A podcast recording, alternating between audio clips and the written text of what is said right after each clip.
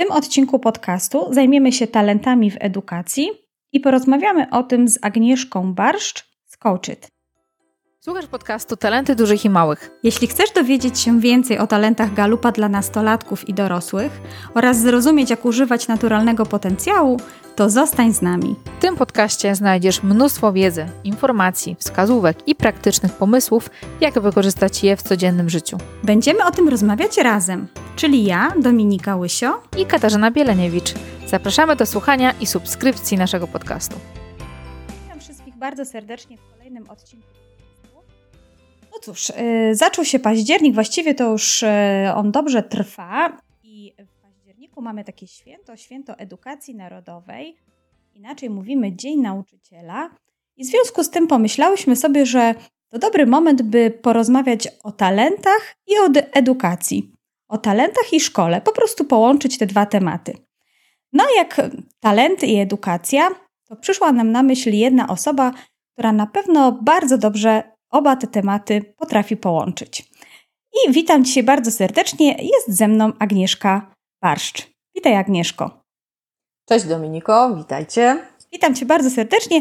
Agnieszka dzisiaj łączy się ze mną tutaj prosto ze Śląska.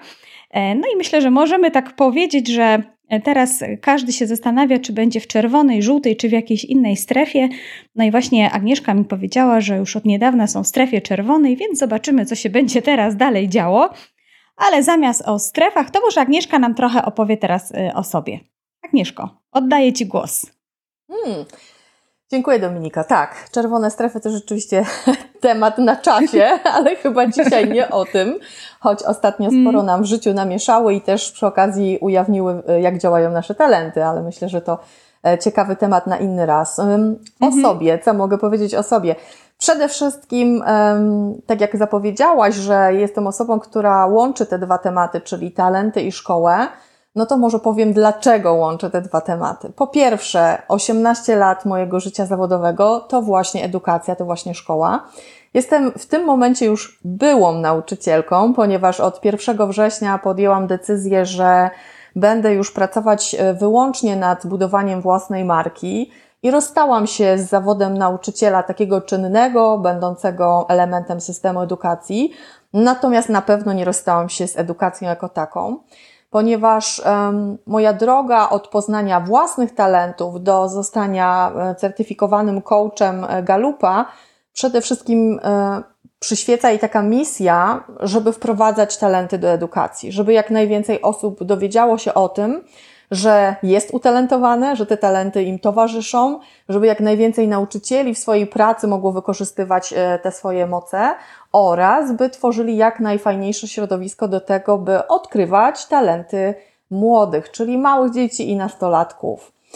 E, jestem pasjonatką w ogóle edukacji. Przez 18 lat uczyłam języka niemieckiego, tego takiego, którego mało kto lubi, więc zawsze się śmiałam, że to trochę dziwne.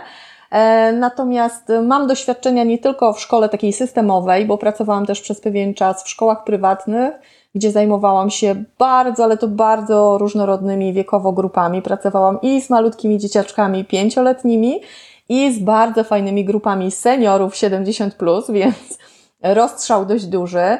E, I to była praca, mm. która przyniosła mi ogromną satysfakcję. Kochałam bycie nauczycielem, kochałam to środowisko, kochałam energię, którą daje właśnie ta praca.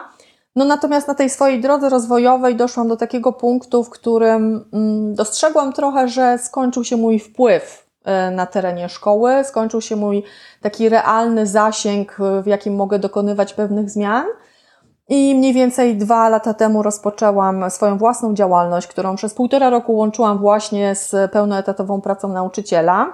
No ale po półtora roku stwierdziłam, że już nie da się tego tak mocno e, ciągnąć i stwierdziłam, że Dużo większy zasięg będę mieć, jeśli wyjdę poza tą edukację i zacznę ją zmieniać trochę z innego punktu.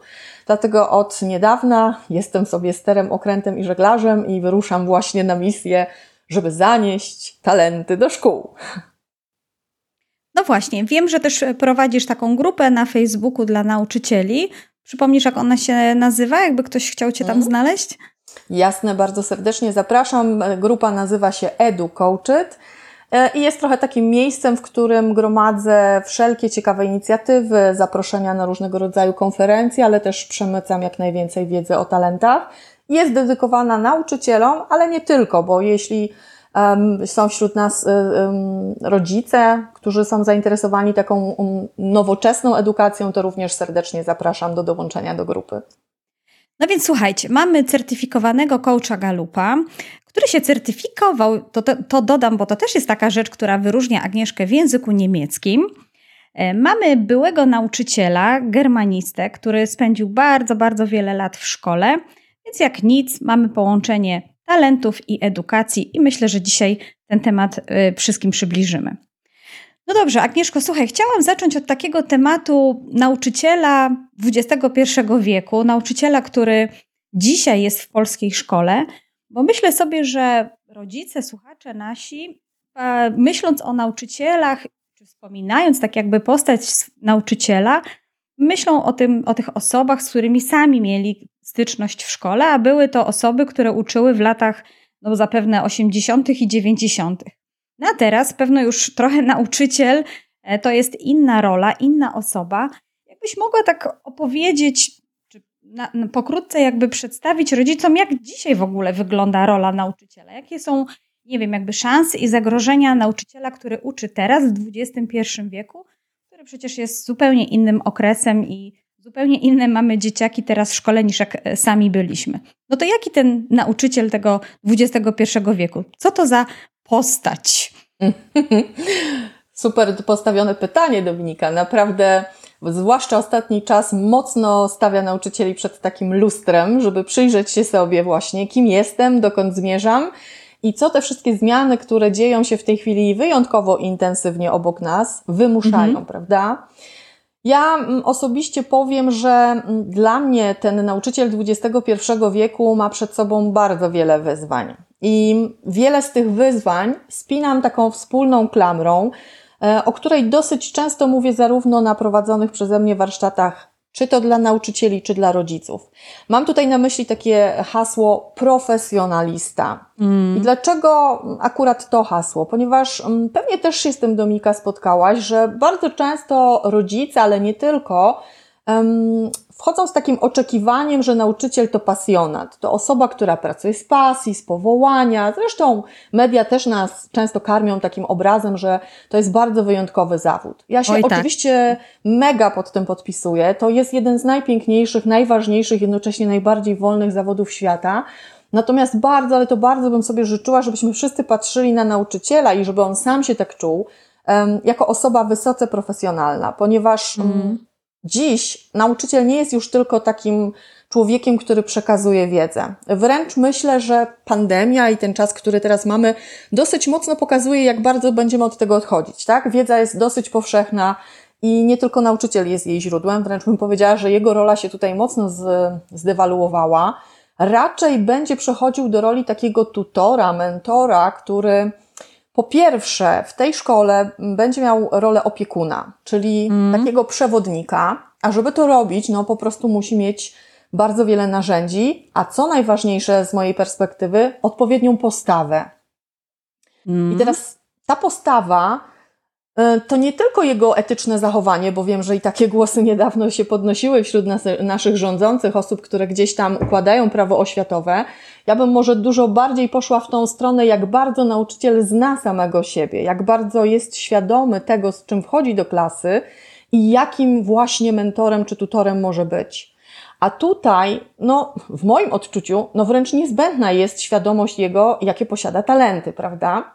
Więc z jednej strony zagrożenie pod tytułem powołanie, ja bym do tego zawodu nie dopisywała jednak powołania. W moim odczuciu bardzo ważny jest tutaj profesjonalizm, na który składa się bardzo wiele składników, ale takim mocnym składnikiem, który być może Dominika się ze mną też zgodzisz, jest to, że jesteśmy obecnie w takim okresie olbrzymich zmian, hm, tylko nie w szkole. Czyli szkoła dość się mocno zatrzymała, prawda? I to zarówno pod, pod względem całego systemu, tego jak ona wygląda, w jakich ławkach siedzimy, jak wygląda organizacja pracy, jak i niestety jest dosyć odporna na taką nowoczesną wiedzę dotyczącą neurodydaktyki, neurobiologii.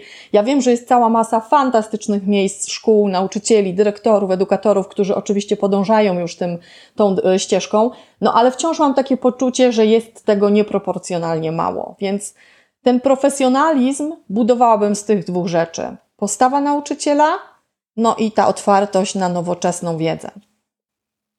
Tak sobie myślę, jak e, mówisz o tym, że mm, może to rzeczywiście jest tak, że ten system, w którym jakby muszą pracować nasi nauczyciele, niewiele się może zmienił od czasów, kiedy my byliśmy w szkole, bo dalej mamy prawie ten sam katalog ocen, jakieś programy nauczania, które trzeba realizować.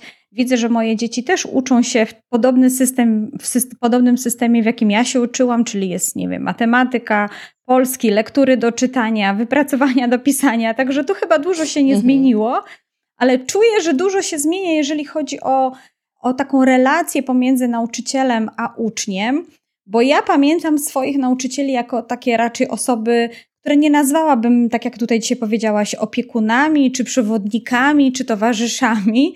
Raczej to były osoby, których się chyba trochę baliśmy, a teraz mhm. rzeczywiście mam wrażenie, że może troszkę już ta świadomość takiego, takiej swojej własnej osoby, tego, że jednak ja też, prawda, mam jakieś zasoby, które mogę w szkole wykorzystywać, rośnie chyba teraz wśród nauczycieli, a jeśli nie, to przynajmniej staramy się, żeby, żeby rosła i żeby, żeby była coraz większa ta świadomość.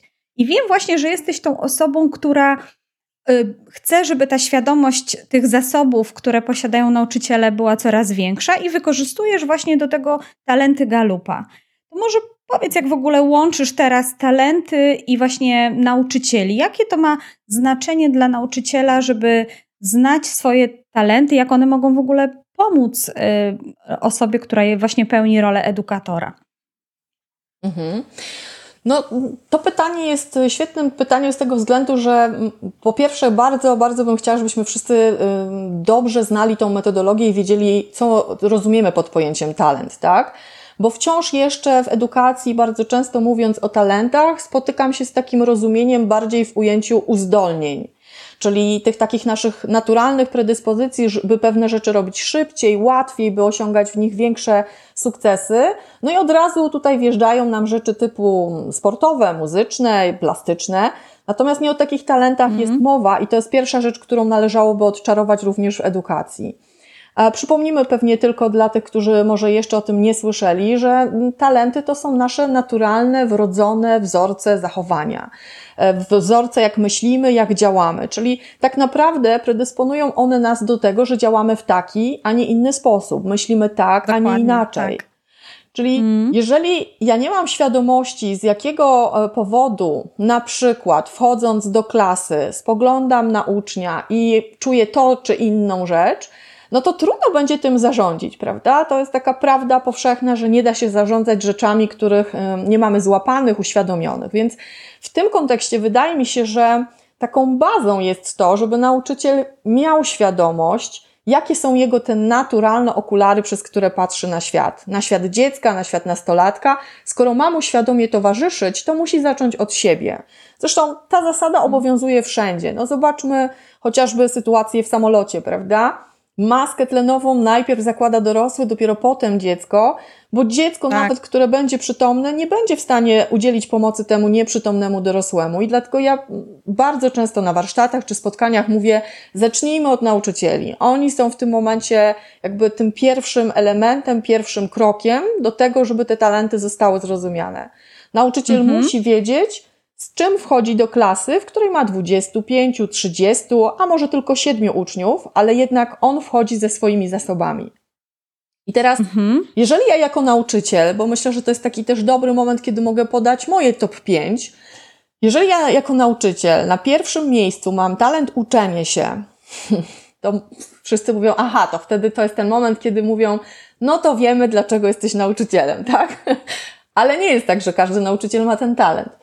Natomiast ten talent przez długi czas, kiedy był mi po pierwsze nieuświadomiony, a potem kiedy musiałam nad nim mocno pracować, żeby stał się talentem dojrzałym, bardzo często powodował u mnie jako u nauczyciela takie niezbyt duże zrozumienie dla nastolatków, że oni nie chcą się uczyć, że coś dla nich nie jest interesujące. No przecież z mojej perspektywy, z tego mojego filtru na życie, wszystko jest ciekawe, wszystko jest interesujące, nie ma wiedzy bezużytecznej. Więc wchodząc do klasy, dosyć często zdawało mi się, zdarzało mi się na początku tej mojej drogi edukacyjnej, e, no jednak czuć frustrację, jednak czuć zawód, że ja tutaj się staram, ja wymyślam różne rzeczy, kreuję nowe metody, sposoby, a spotykam na swojej drodze uczniów, którzy no są mało tym za, zafascynowani, prawda? I teraz każdy talent jest o naszych potrzebach i motywacjach. To była moja potrzeba. Natomiast przez to, że był ten talent niedojrzały, nie dostrzegałam na ten moment potrzeb moich uczniów. No i myślę, że to już od razu mówi, jak ważne jest, żeby poznać e, swoje własne talenty, zobaczyć, co za nimi stoi. Drugim moim talentem jest talent zbieranie. I to jest też taki talent, który bardzo mocno predysponował mnie w roli nauczyciela. Tu z kolei myślę, że sporo moich kolegów i koleżanek mogłoby się teraz uśmiechnąć, gdyż byłam zawsze taką osobą, do której można było przyjść i otrzymywało się gotowca. to znaczy, gdzieś tam w tym moim zasobniku e, istnieje cała masa materiałów, książek, ciekawych stron, i póki to nie było dojrzałe, to mocno mnie to obciążało, bo nie miałam poczucia, że w czym się specjalizuję. Po prostu miałam wszystkiego bardzo dużo. Można było korzystać z mojej wiedzy, ale ja nie czułam z tego satysfakcji. I teraz wchodząc do sali, również patrząc na moich uczniów, zbierałam wszystko, rejestrowałam wszystko. E, możesz sobie łatwo Dominika wyobrazić, jak czuje się taki nauczyciel, kiedy schodzi z szóstej lekcji w głowie jest po prostu tak duże przeciążenie i tak dużo się ma, że trudno się skoncentrować, trudno odetchnąć, więc może to być obcią obciążające. Pani Agnieszko, powiedziałaś tutaj o, o, swoich talentach i to jest bardzo ciekawe, co, co powiedziałaś chociażby o tym talencie uczenie się, e, jak go odbierasz ty, w, czy jak go odbiera, odebrałaś w swojej roli nauczyciela. Ale tak sobie myślę i też jak, jako mama mam bardzo często kontakt z różnymi nauczycielami i widzę taką postawę generalnie nauczycieli, że co mi tu pani, prawda, opowiada jakieś tam rzeczy albo zadaje mi jakieś takie dziwne pytania. Ja już tutaj uczę 20 lat, mam swoje sposoby uczenia, mam swoje sposoby edukowania. To dlaczego ja w ogóle mam zwracać uwagę na jakieś potrzeby moich uczniów, starać się zrozumieć, jak mam ich lepiej uczyć, skoro już mam tutaj, prawda, utarte swoje sposoby i mi to najlepiej wychodzi. No i teraz wiem, że te osoby, które w ogóle usłyszą o talentach i o tym, że mają jakieś swoje sposoby myślenia, zachowania i odczuwania, które właśnie wtedy, kiedy je zastosują tak naprawdę w edukacji, mogą przynieść jakiś lepszy efekt. Ale jakbyśmy mogli tak naprawdę tak po prostu wytłumaczyć komuś, dlaczego w ogóle warto jako nauczyciel znać te swoje talenty, dlaczego warto założyć sobie tą maseczkę tlenową, zanim cokolwiek jakby pomyślimy nawet o tych, o tych naszych uczniach. Jaki to ma wpływ w ogóle na te, nawet na te metody, na te sposoby, prawda, edukowania, już te utarte sposoby, które ktoś stosuje od lat? Może to jakoś może też wpłynąć na, na te sposoby. Jak ty to widzisz, y, Agnieszko? Tak jakby z, ze, ze, wspominając swoją funkcję nauczyciela i to, jak teraz już jako certyfikowany e, trener Galupa, no, znasz właśnie te, te, te talenty. Mhm. Okej, okay, to tutaj jakby wiele wątków nam się otworzyło, Dominika, bo rzeczywiście dosyć złożone zagadnienie, ale mm, tak jak prosiłaś, żeby to było bardziej prosto, żeby wytłumaczyć osobom, które być może pierwszy raz o tym słyszą albo w ogóle nie są przekonane do tego typu pracy. Bardzo ważne jest, żeby wiedzieć, e, z jakiego pułapu startujemy. No, dla przykładu, jeżeli ja jako nauczyciel, może powiem tym przykładem, który dla wielu nauczycieli będzie mocno zrozumiały, bo jest e, ich codzienną pracą. Jeżeli ja przychodzę do nowej klasy i zaczynam z nią pracę, to ja nigdy nie startuję z poziomu założenia, że wszyscy nie umieją nic. Tylko muszę zrobić jakiś pretest, muszę zebrać najpierw jakiś feedback od nich, zobaczyć jaka jest wiedza startowa, żeby właśnie nie powtarzać rzeczy oczywistych, żeby w razie potrzeby wyrównać pewne poziomy, tak? Czyli zbieram taką informację, trochę tworzę sobie taką instrukcję obsługi tej klasy. Dokładnie mhm. tym samym dla mnie jest znajomość swoich własnych talentów. To jest taka instrukcja obsługi mnie. Dokładnie to, czego ja potrzebuję i co mnie motywuje.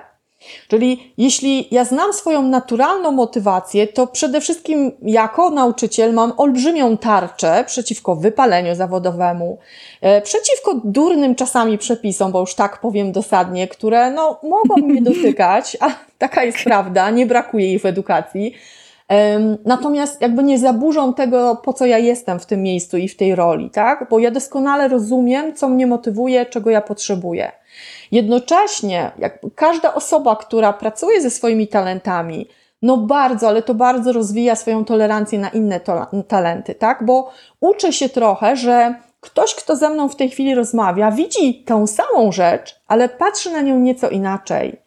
Jeżeli ja to mhm. rozumiem, to ja też potrafię inaczej sterować swoją komunikacją, inaczej dostosowywać te komunikaty do klasy, inaczej też odbieram taki feedback, no my nie rozumiemy. Czyli nie, nie najeżam się wtedy jako nauczyciel i nie myślę sobie, no co nie rozumiecie, no jak to nie rozumiecie, przecież tłumaczę najlepiej jak potrafię, tak?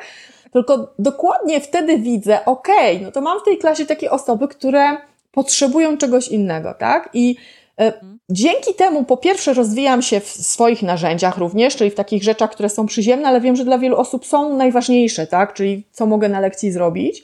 Natomiast Przede wszystkim mam duże zrozumienie dla siebie, dlaczego działam tak, a nie inaczej i czego potrzebuję, żeby działać skutecznie i się mniej męczyć. Czyli wykonywać tą pracę tak, jak no, w tym już micie pracy z powołaniem, o którym wspomniałyśmy wcześniej. Tak. Mhm.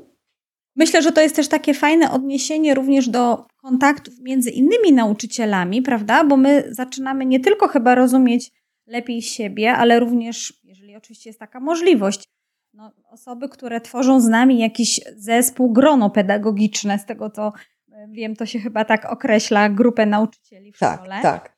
No i my chyba zaczynamy też troszkę lepiej rozumieć tego pana z matematyki, czy tą panią z polskiego, prawda, która może uczy tego samego przedmiotu co ja, ale może ma trochę inne właśnie podejście do organizacji swojej pracy, do kontaktów z uczniami, do kontaktów z, z rodzicami, czy miałaś okazję właśnie zaobserwować takie zmiany myślenia w gronie pedagogicznym, które na przykład gdzieś odkrywało swoje talenty, albo w ogóle gdzieś, gdzieś tego typu właśnie obserwacji gdzieś, gdzieś miałaś okazję zdobyć?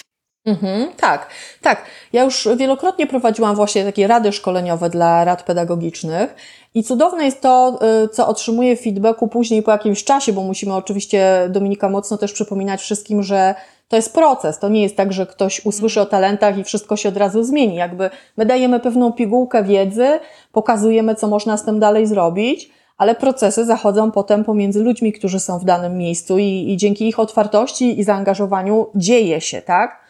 I teraz um, myślę sobie um, w odpowiedzi na to Twoje pytanie o takiej konkretnej szkole, którą mam na myśli, gdzie przed y, zdiagnozowaniem, w ogóle przed pierwszym warsztatem o talentach, gdzie Rada Pedagogiczna po raz pierwszy usłyszała, że w ogóle no, są utalentowani i to w mm -hmm. dodatku tak bardzo, prawda? Myślę sobie, że przede wszystkim mm, taka pozytywna atmosfera tego. No jednak talenty neuronalne to jest, jak nie, jakby nie patrzeć, y, psychologia pozytywna. Coś, czego w naszym kraju no to jest moje osobiste zdanie, ale bardzo brakuje. A już w edukacji wszelkie dobre wieści są mega wyczekiwane, bo, bo raczej nam przysparzają tych trudniejszych.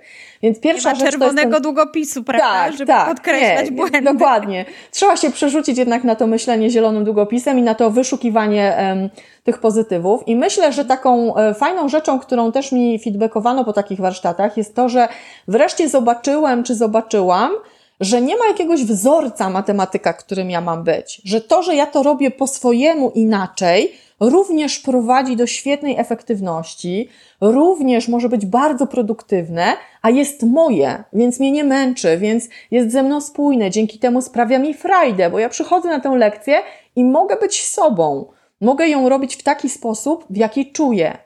I to, że na przykład nie idę po kolei od tematu po punkciku, tak jak robi to koleżanka, która ma powiedzmy talent dyscyplina, tylko ja idę na żywioł, zaczynam od anegdoty, buduję humorem tutaj relacje na lekcji, a potem jakoś dziwnie te dzieci szybko się dyscyplinują i mimo wszystko tabliczka mnożenia leci, to mhm. też jest okej. Okay.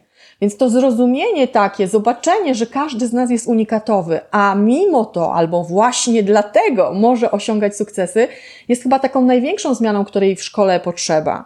Bo my zbyt często w szkole utknęli, utykamy na tym wzorcu, wiesz, takim związanym z ocenami. Od 1 do 6, tak? Albo jesteś czwórkowa, tak. albo piątkowa, albo szóstkowa, czyli jest sześć szufladek i w którejś masz się zmieścić. Tymczasem, no, talenty pokazują, że nie ma dla ciebie szuflady. Tylko jedna. Jesteś najlepsza. Innej nie ma.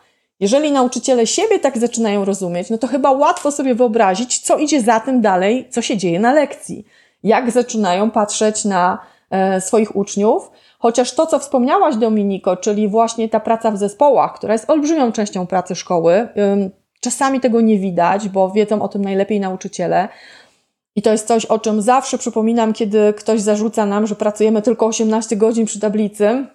Jest to totalny mit, który należy mega obalić, bo jest mm. cała masa zespołowej pracy i nagle okazuje się, że rozumiemy, dlaczego ta koleżanka uwielbia robić te staniny. Dlaczego ona jest w tym taka świetna i ją to kręci i bawi.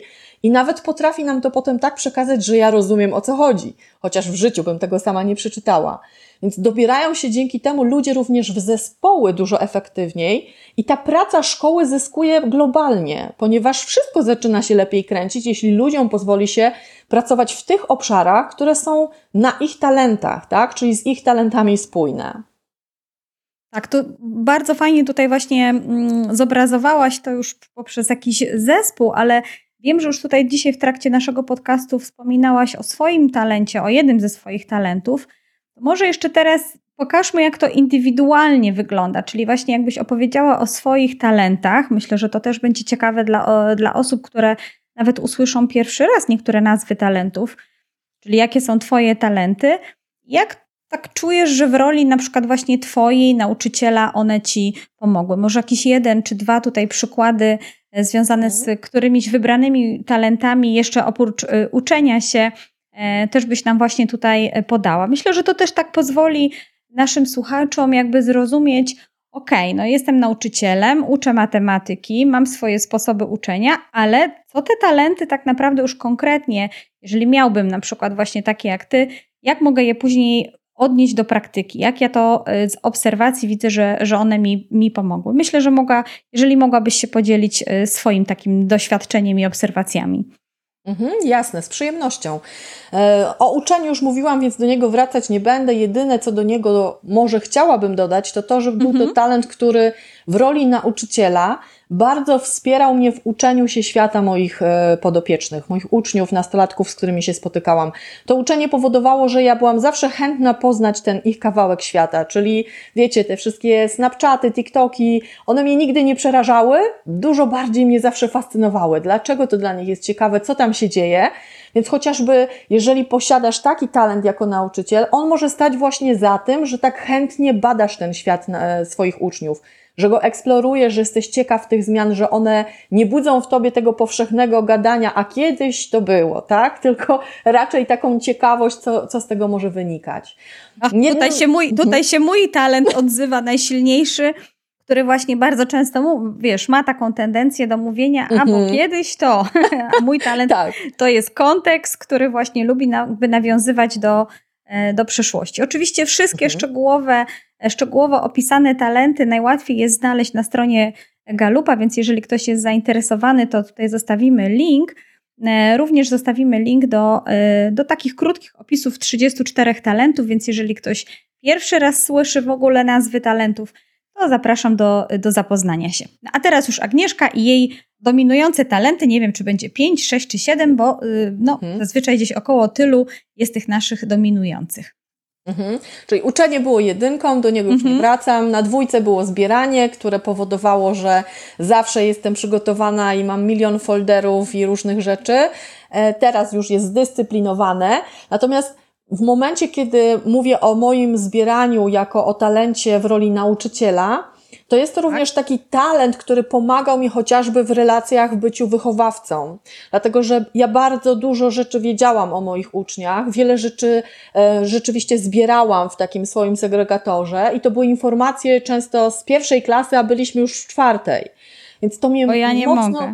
No tak, ale to, to mi nie sprawiało nigdy właśnie dolegliwości, bo ja to lubiłam. Lubiłam mieć taki szeroki obraz dzięki temu i moi uczniowie też bardzo często dzięki temu mieli e, dużo lepszą relację, bo czuli się widziani, tak? Bo ja pamiętałam, bądź też sobie potrafiłam przypomnieć, że w drugiej klasie to miała miejsce taka sytuacja i rozwiązaliśmy ją w taki, a w taki sposób i zachęcać, żeby na przykład zadziałać podobnie teraz, tak? Czyli to zbieranie które no, było na początku niedojrzałe, jednak w roli nauczyciela mocno mi tutaj w ten sposób służyło. Mhm. A jeśli chodzi o pracę w zespole, no to bardzo mi służyło tym, że większość moich kolegów mogłaby potwierdzić, że przychodzili dosyć często dopytywać o różnego rodzaju narzędzia, różnego rodzaju strony, które ja po prostu kolekcjonowałam. I nie zawsze były to strony z mojego przedmiotu. Mój trzeci mhm. talent to maksymalista i to jest taki talent, który przede wszystkim mm, odpowiada za moje mm, za mój taki fokus, bym powiedziała, na to, żeby z tego, co dobre, robić doskonałe. Czyli on też dawał mi w mojej pracy germanisty, bo do tego wrócę, e, tak. taką, taką moc do tego, żeby nie germanizować na siłę. To znaczy, mocno pracowałam z osobami, które wykazywały chęć, które gdzieś już były zafascynowane, zaciekawione, z nimi pracowałam dodatkowo, natomiast na lekcji starałam się wycisnąć maks z tego, co jest, czyli nie robiłam tutaj nic na siłę, przyglądałam się tym potrzebom dzieci e, mhm. i bardzo często wystarczyło zakontraktować sobie z jakimś uczniem, że jego fokus to angielski, jemu wystarczy trzy z niemieckiego, i nie, nie miałam z tego powodu jakiejś frustracji, nie miałam jakiejś takiej potrzeby, żeby ciągnąć tego ucznia na siłę dalej. Więc myślę, że to też był talent, który dużo mi pomagał w takim odbarczaniu się z tych emocji, a łatwo sobie wyobrazić, że język niemiecki nie cieszy się takim wielkim powodzeniem wśród uczniów, jak na przykład angielski. Kolejny mój talent to jest achiever, czyli osiąganie, i on mi mhm. bardzo pomagał przede wszystkim w byciu takim sprawnym w tej roli i w takim budowaniu profesjonalizmu, ponieważ kiedy wyznaczyłam sobie co ja rozumiem pod pojęciem profesjonalisty, no to łatwo sobie wyobrazić, ile tam wjechało kursów, szkoleń, różnych rzeczy, więc to wszystko było odhaczane systematycznie i, i szło swoim torem.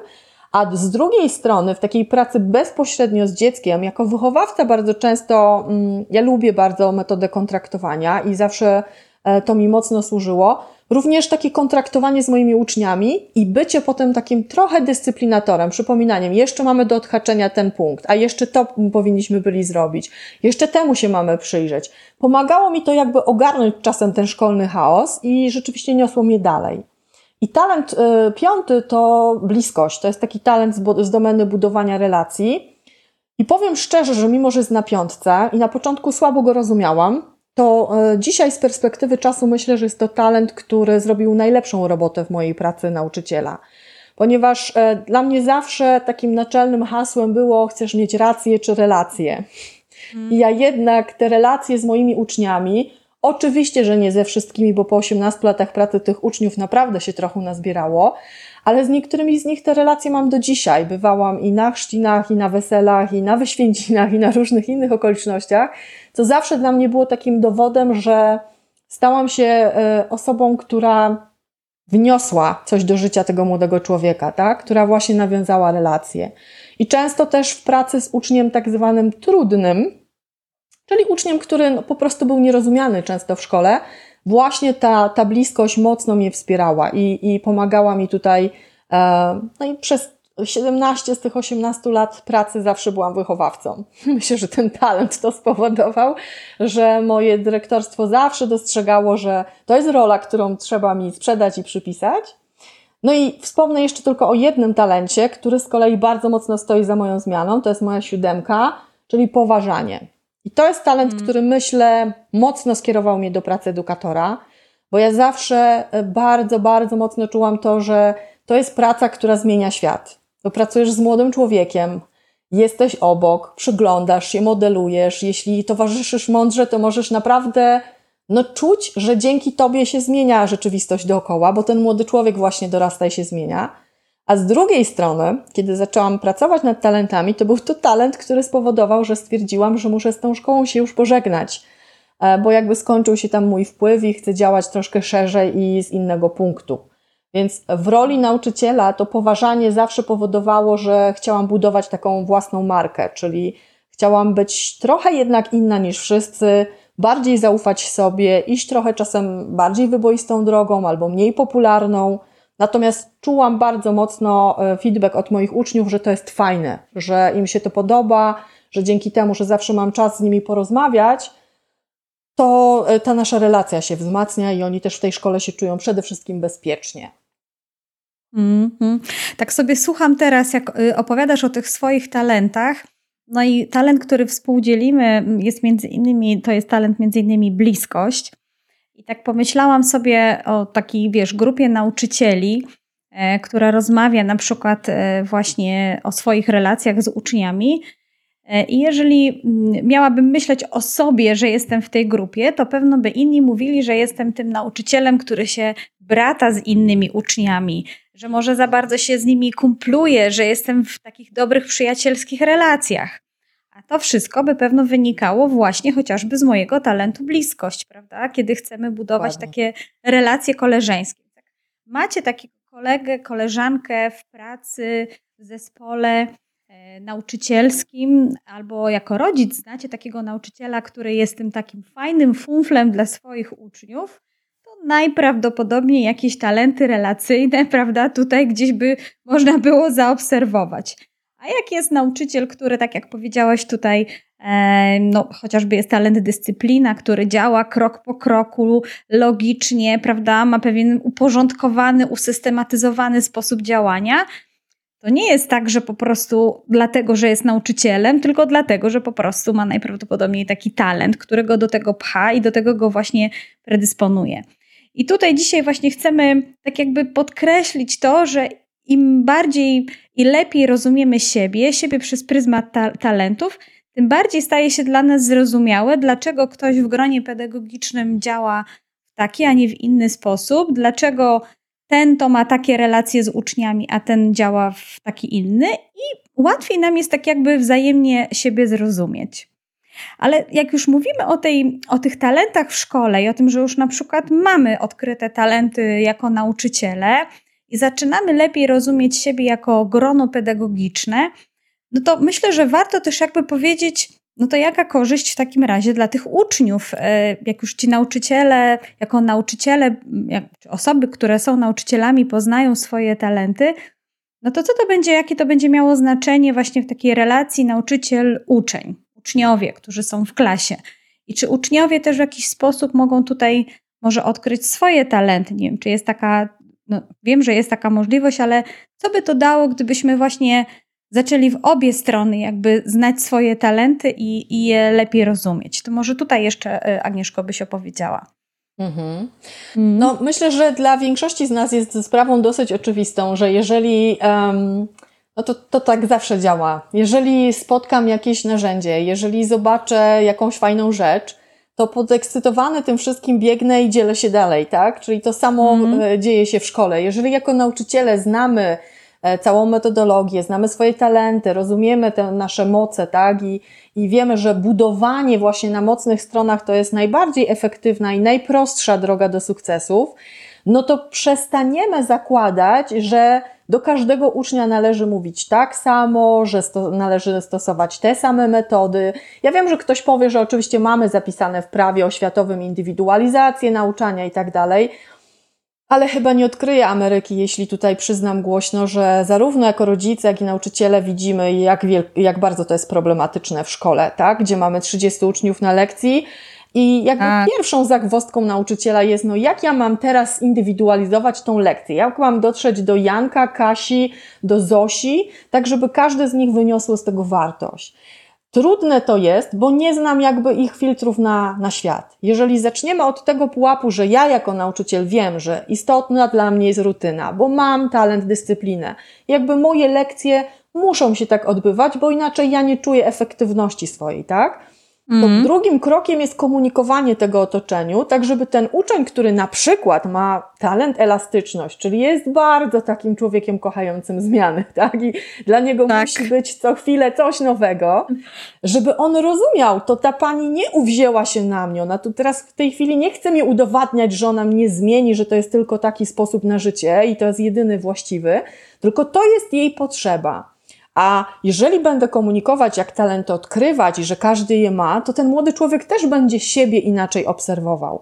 Ja, go, ja mogę mu wtedy też dawać taki feedback. Jako nauczyciel wyobrażam sobie, że mogę mu wtedy powiedzieć: Janek, słuchaj, ja widzę, że jest ci bardzo ciężko z tym, że ta lekcja idzie jakimś tam ustalonym tokiem. Powiedz mi, w którym momencie chciałbyś, żeby ci zostawić trochę więcej autonomii, żebyś zrobił coś po swojemu? Może jak pracujemy w grupach, a może jak robisz jakieś zadanie, tak, to żebyś je sobie zrobił po swojemu, bo widzę, że masz taką potrzebę, że cię to ciśnie, że ci z tym niewygodnie. Dajemy przestrzeń na to i ten Janek może spokojnie powiedzieć: tak, tak, ja po prostu nie cierpię, jak my tak w kółko to samo i tak samo. Ja to bym nawet wolał sobie pochodzić po klasie i pójść tam do kolegi i mu powiedzieć, jak ja widzę to zadanie, może byśmy razem to rozwiązali.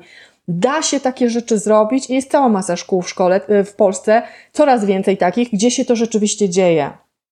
I chociaż nauczyciele, którzy nie są do tego przyzwyczajeni, nie znają tej metodologii, stają obok i patrzą i widzą chaos na tej lekcji, no bo uczniowie chodzą, nie siedzą w ławkach, nie wiem, robią coś na własną rękę, to tak naprawdę efekty edukacyjne takiego działania są dużo, dużo lepsze.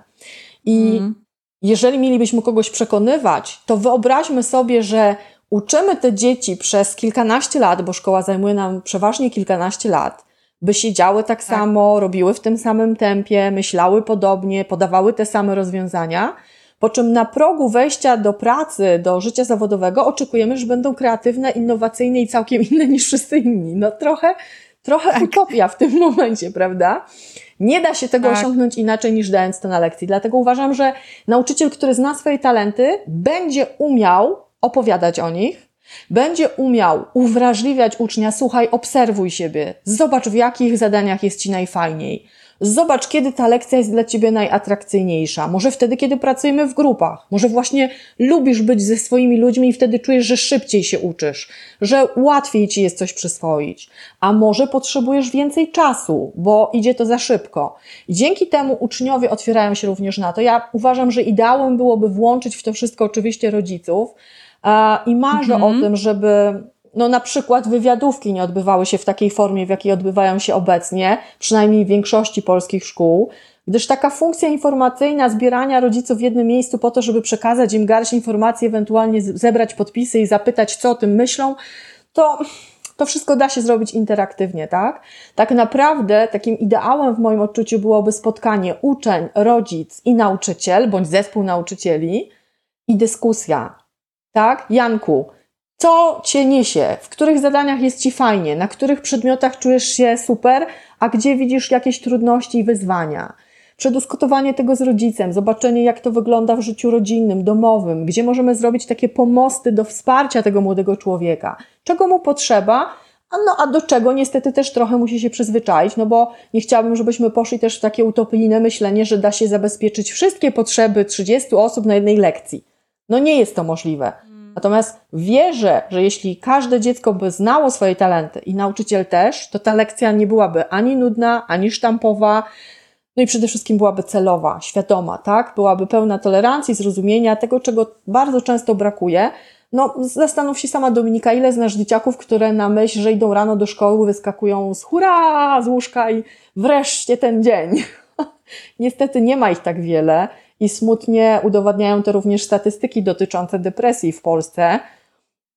Dlatego myślę, że jakby droga odkrywania talentów i nauczyciela, i ucznia to jest również droga, która bardzo mocno pomaga w takim stabilnym emocjonalnie otoczeniu w szkole, takim dającym oddech i zrozumienie. Czyli trochę nas chroni przed depresjami, trochę nas wspomaga w takim świadomym rozwoju. Na pewno bardzo też pomaga budować zrozumienie. Nie da się uczyć tam, gdzie jest strach. Okej, okay, no to jest tak, że rzeczywiście w szkole mamy tak jakby takie trzy grupy interesów, ja to zawsze nazywam. Są nauczyciele, są uczniowie, no ale są też rodzice, prawda? Bo jednak jesteśmy w jakiś sposób odłącznym towarzyszem edukacji naszych własnych dzieci. E, no i też to wielokrotnie powtarzam, że jakby ja czuję, że chciałabym grać z nauczycielami do jednej bramki. A ta jedna bramka to jest wychowanie, wykształcenie, mojego własnego dziecka na samodzielnego, dorosłego człowieka, więc myślę, że tutaj jest jeszcze też dosyć sporo obszarów do takiej wspólnej jakby pracy i do wzajemnego zrozumienia się. No ale dobrze, ale w takim razie pomyślmy sobie, no mamy w szkole na przykład nauczycieli, którzy odkrywają swoje talenty. Mamy też może uczniów, którzy w jakiś sposób mogą odkryć swoje talenty. A co teraz w takim razie z rodzicami? Jak moglibyśmy tutaj ich jeszcze w ten cały proces, do tego procesu zaprosić? I e, no, czy, czy rzeczywiście jest tak, że może można samemu, jako rodzic właściwie, zająć się odkrywaniem talentów swoich dzieci, nie czekać jakby na to, co się wydarzy w szkole? Jak widzisz, Aga, tutaj tą, e, tą ścieżkę? Na którą stronę tutaj mogłaby się szala talentowa bardziej przeważać? Gdzie zacząć? Może jednak w domu, a nie w szkole? Mhm. Mm, I znowu takie pytanie, które e, zakłada, że jest, jedna, że jest jedna jakaś droga, nie ma, od razu powiedzmy. I myślę, że mm. Dominiko, ty, zwłaszcza jako osoba, która bardzo dużo pracuje z nastolatkami i rodzicami, doskonale też wiesz, że ta droga z drugiej strony, czyli od strony rodzica, jest równie wartościowa, równie ciekawa, równie ważna.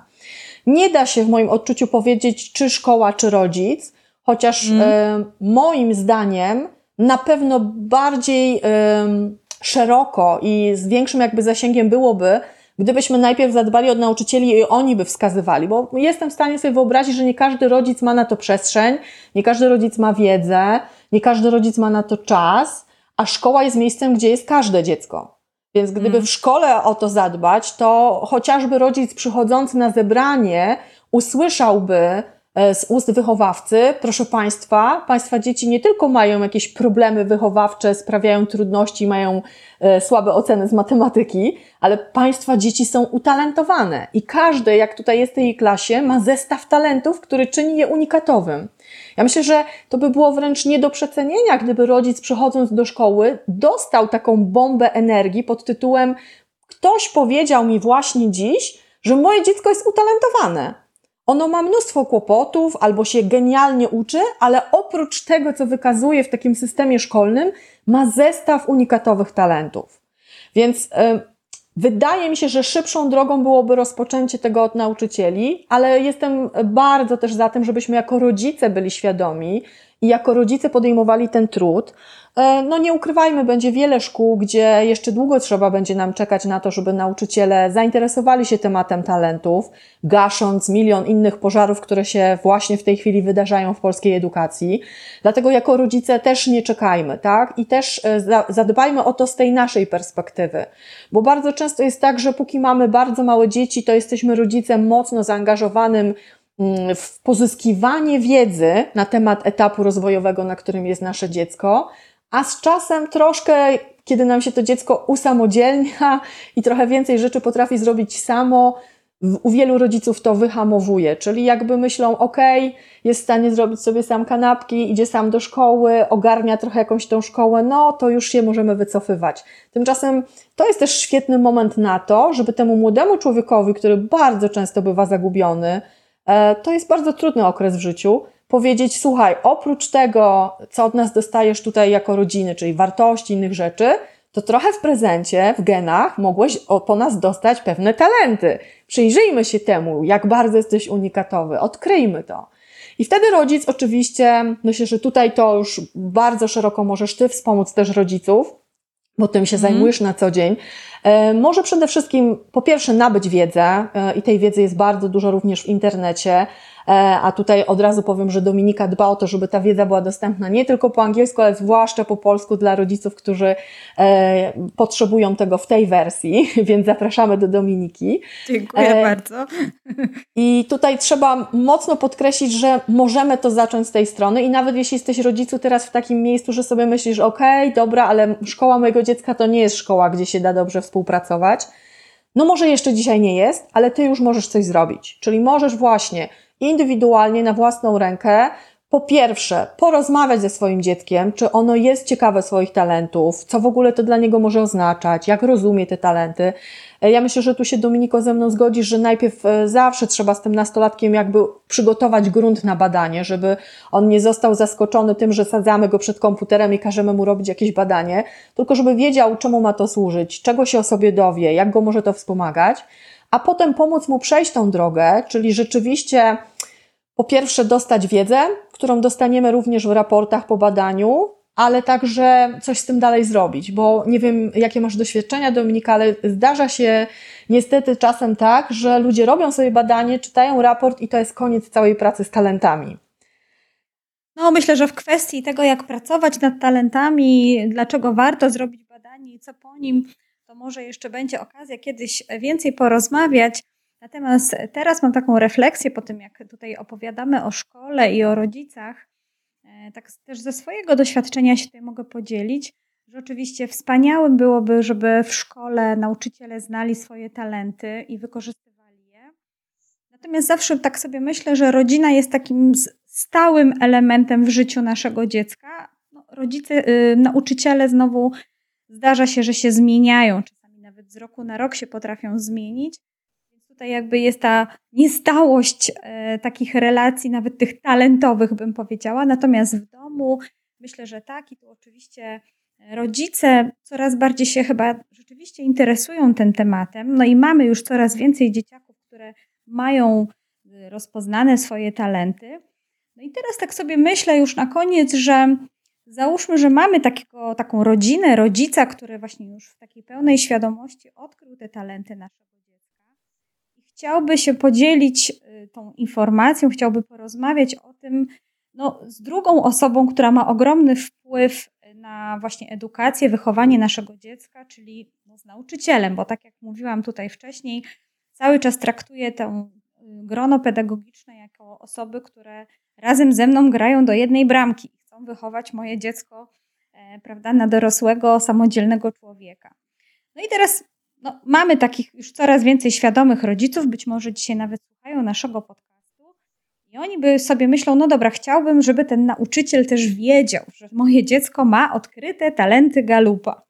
No i teraz, jak tutaj w ogóle porozmawiać z tym nauczycielem? Dajmy na to, jednak mamy nauczycieli, którzy nie słyszeli nigdy o talentach Galupa, nie wiedzą w ogóle, że, jest, że są takie talenty i one się prawda, w jakiś tam sposób nazywają i objawiają, ale chcielibyśmy się podzielić jako rodzice z nauczycielami no, tym naturalnym potencjałem, tymi obszarami, które są takie typowe dla naszego dziecka. To Agnieszko, jak tak z Twojej perspektywy właśnie jeszcze też znowu nawiązuje do tych, do tych chwil, kiedy jeszcze byłaś w szkole. No, Wyobraź sobie, przychodzi sobie taki rodzic i ci zaczyna opowiadać o jakiejś opiekuńczości, prawda? E, no nie wiem, bliskości, jeżeli to są starsze dzieci, e, czy jakichś innych talentach. No i pewno byś robiła wielkie oczy.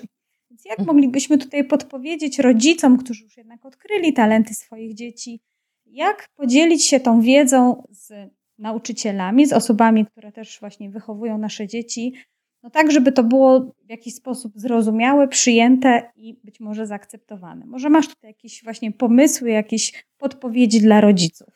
Mhm, jasne.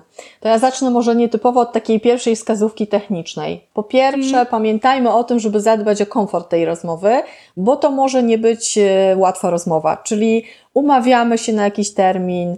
E, tutaj też duża prośba do nauczycieli, którzy uczą w młodszych klasach Błagam, nie sadzajmy rodziców w tych krzesełkach z kolanami pod brodą. To naprawdę nie pomaga temu, żeby się poczuć jak dorosła osoba, która rozmawia właśnie o swoim najważniejszym skarbie, czyli y, umawiamy się wcześniej z nauczycielem, mówimy mniej więcej ile czasu potrzebujemy i jeżeli będziecie e, chcieli, to zaznaczcie oczywiście, że chodzi Wam o taką wymianę informacji na temat potencjału Waszego dziecka. To jest coś, co mhm. każdy nauczyciel przyjmie, będzie tym zaciekawiony, obojętnie czy słyszał już o galupie, czy nie.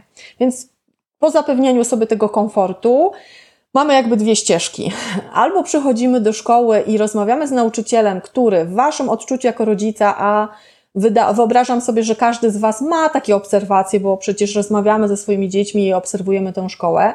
Więc albo trafiamy do nauczyciela, który jest nauczycielem właśnie zaciekawionym, otwartym, może stosuje jakieś innowacyjne metody, więc wtedy macie po prostu łatwiej, bo wtedy siadacie i opowiadacie o tym, że istnieje takie badanie, że właśnie oto zdiagnozowaliście własne dziecko i że jesteście zaciekawieni tym, jakie w tym kontekście e, obserwacji ma nauczyciel. Czyli na przykład opowiadacie właśnie o tym, co Dominiko powiedziałaś, o tym talencie opiekuńczość i pytacie, czy w szkole pan, pani zauważył właśnie e, miejsca, mm. gdzie ten talent widać, jak nasza ratorość zachowuje się w klasie, wśród innych dzieci, bo spędza Pani z moim dzieckiem bardzo dużą część dnia i na pewno ma Pani tutaj bardzo dużo ciekawych obserwacji.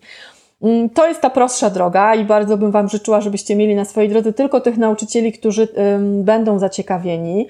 No a co mm. zrobić w wypadku, gdy trafiamy do szkoły, gdzie czujemy, że no jest to bardziej usztywniona szkoła, tak? Że gdzieś mm. bardziej idzie to tym modelem pruskim. Da się mm. to mhm. też zrobić. Już po umówieniu się na to spotkanie, zacznijmy od takiego e, otwierającego komunikację stwierdzenia, że chcielibyśmy bardzo skorzystać e, z obserwacji nauczyciela, że chcielibyśmy zobaczyć to dziecko w innym świetle, tym szkolnym, mm, tak? Mm, Bo nas mm. tam nie ma, nie obserwujemy grupy, nie widzimy klasy. Bardzo jesteśmy zaciekawieni tym, jakie pan, pani ma obserwacje na temat mojego syna, mojej córki i dać chwilę temu nauczycielowi, żeby rzeczywiście pokazał wam tą swoją perspektywę.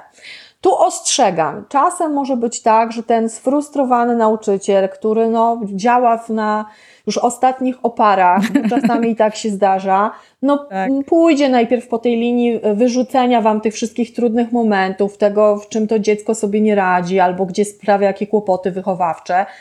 Jako rodzice też musimy być świadomi, że to jest też drugi człowiek po tamtej stronie, który no, mimo wszystko jest profesjonalny, ale niesie ze sobą pewne emocje, więc dajmy mu tą chwilę. Po prostu dajmy tą chwilę, by wyczyścił sobie e, jakby płytę a potem znowu wróćmy do pytania, ok, rozumiem, tu bywa trudno, no a teraz z tych dobrych rzeczy, to proszę mi powiedzieć, gdzie Pan jakieś widzi obszary potencjału? Na przykład, no nie wiem, bo tak zastanawiamy się z mężem tutaj jak najmocniej wspierać to nasze dziecko i też chcielibyśmy je zobaczyć w tej szkolnej perspektywie. I jestem tak. przekonana, że nauczyciele chętnie się podzielą swoimi spostrzeżeniami, bo mają ich bardzo wiele. Czasami, no oczywiście przytłacza ich ta codzienność, i wtedy będzie świetny moment na to, żeby też trochę sprzedać wiedzy o badaniu Galupa. Czyli powiedzieć na przykład, a co pan, pani myśli o takich badaniach psychometrycznych, ale wie pani, nie takich gdzieś tam z twojego stylu przyjaciółki, tylko takich naprawdę naukowo potwierdzonych, rzetelnych. Można tutaj przy okazji opowiedzieć o tym, że wiemy, że właśnie metodologia Galupa to jest coś, co ponad 40 lat badań, ponad 20 lat istnienia badania na rynku, czyli 24 miliony osób, które się przebadały. To są liczby, które często robią wrażenie i przekonują. No pamiętajmy, że idziemy do człowieka, który się zajmuje edukacją, czyli e, dla niego też liczby, statystyki i podejście naukowe no mają znaczenie. A mhm, kiedy już mm -hmm. zaciekawimy i zobaczycie, że jest to światełko, że ten nauczyciel no, słucha z przyjemnością i też jest ciekawy tego, to bardzo wtedy fajnie jest opowiedzieć o swojej perspektywie. No bo ja to w domu zauważam, że na przykład moje dziecko no jest bardzo taką osobą opiekuńczą i rzeczywiście ten fokus na drugiego człowieka widać wszędzie. Czy jesteśmy gdzieś w teatrze, czy jesteśmy na spacerze, czy się wybieramy gdzieś, to jednak ta, te osoby wokół niego są istotne. I znowu zapytać, a jak to jest w klasie? My nie musimy tego nawet nazywać konkretnymi talentami, bo jeżeli jako rodzic znam talenty mojego dziecka, to umiem doskonale opowiedzieć, w jakich jego zachowaniach je widać, tak? Czyli nie muszę mówić, że to jest fokus, dyscyplina, poważanie, ale będę mówić, że moje dziecko tak ma i od zawsze tak miało, że ono chce być dostrzegane, że potrzebuje mhm. publiczności. No chyba tak. pan się zgodzi, że ona to zawsze tak pierwsza się wyrywa i tutaj odpowiada i czasem może nie wie, ale już by chciała. To się da opowiedzieć tak, by nie zamykać tej dyskusji. Więc do tego Was zachęcam, przygotować się do tej rozmowy, czyli w jakich różnych kontekstach widać zachowania, myślenie mojego dziecka, jak to się ma do talentów i starać się troszkę tej wiedzy tam przemycić. Ja myślę, że jak zaczniemy od takiego budowania relacji, a nie od takiego, no powiem tak, przestrzegam przed wejściem do szkoły, i powiedzeniem nauczycielowi, proszę pani, zrobiłam test, moje dziecko ma to i to i teraz oczekuję, że pani będzie robiła to, to, to i to. Ja myślę, że nikt z nas jako rodziców również w swojej pracy nie chciałby czegoś takiego słyszeć, więc po prostu tak jak Dominika pięknie to cały czas podkreślasz i myślę, że to jest klucz całej edukacji, gramy do tej samej bramki, tak? Czyli i mi, i temu człowiekowi po tej drugiej stronie w różnych stopniach, ale jednak zależy na tym, żeby wychować samodzielnego, świadomego człowieka. Więc wymieniajmy się informacjami, starajmy się budować przestrzeń do tego, żeby była e, taka możliwość, tak? Żeby usiąść i porozmawiać. No tutaj jak opowiadasz o tym, to y, widzę, słuchaj, twarze niektórych rodziców, z którymi miałam okazję jakby rozmawiać, nawet sama siebie i, i mówię właśnie, no wiecie, fajniej by było teraz jakby zebrać obserwacje na temat naszego dziecka spoza tak jakby naszego rodzinnego gniazda, a najlepszym jakby źródłem informacji jest właśnie również inne osoby, które obserwują nasze dzieci w sytuacjach właśnie w grupie rówieśniczej, kiedy się edukują. Czasami też podpowiadam rodzicom, że to nie musi być nauczyciel albo wychowawca dokładnie w szkole, może być to trener w jakimś zespole piłkarskim, czy no, jakaś osoba, która prowadzi zajęcia jakiegoś kółka, gdzie chodzi nasze dziecko. Jakiś inny edukator, opiekun, wychowawca, który zajmuje się naszymi dziećmi. No i tutaj Rodzice zazwyczaj robią takie wielkie oczy i mówią: No, jak to ja mam iść teraz do tej osoby, rozmawiać o moim dziecku? I widzimy taką ogromną trudność właśnie e, nas, rodziców, jak tutaj pójść do tego edukatora, do tej osoby, która na pewno ma dużo większe doświadczenie i zupełnie inaczej patrzy na nasze dziecko, i zacząć z nim rozmawiać na ten temat. No i słuchajcie, kochani, tutaj Agnieszka się zgodziła przygotować dla Was taki PDF, gdzie w kilku krokach, czy po prostu spiszę te podpowiedzi dla nas. Dla nas, mówię dla nas, bo również jako rodzic czuję, że będę mogła z nich skorzystać, do tego, żeby pójść do szkoły, do, czy pójść gdzieś na zewnątrz, poza nasze gniazdo rodzinne i z kimś innym wspólnie podzielić się obserwacjami na temat naszego dziecka. Obserwacjami oczywiście pod kątem y, talentów, bo to jest, słuchajcie, Myślę, że to jest naprawdę dosyć ciekawe źródło informacji, takiego przejrzenia się troszeczkę, przyjrzenia się właściwie naszemu dziecku trochę z innej strony.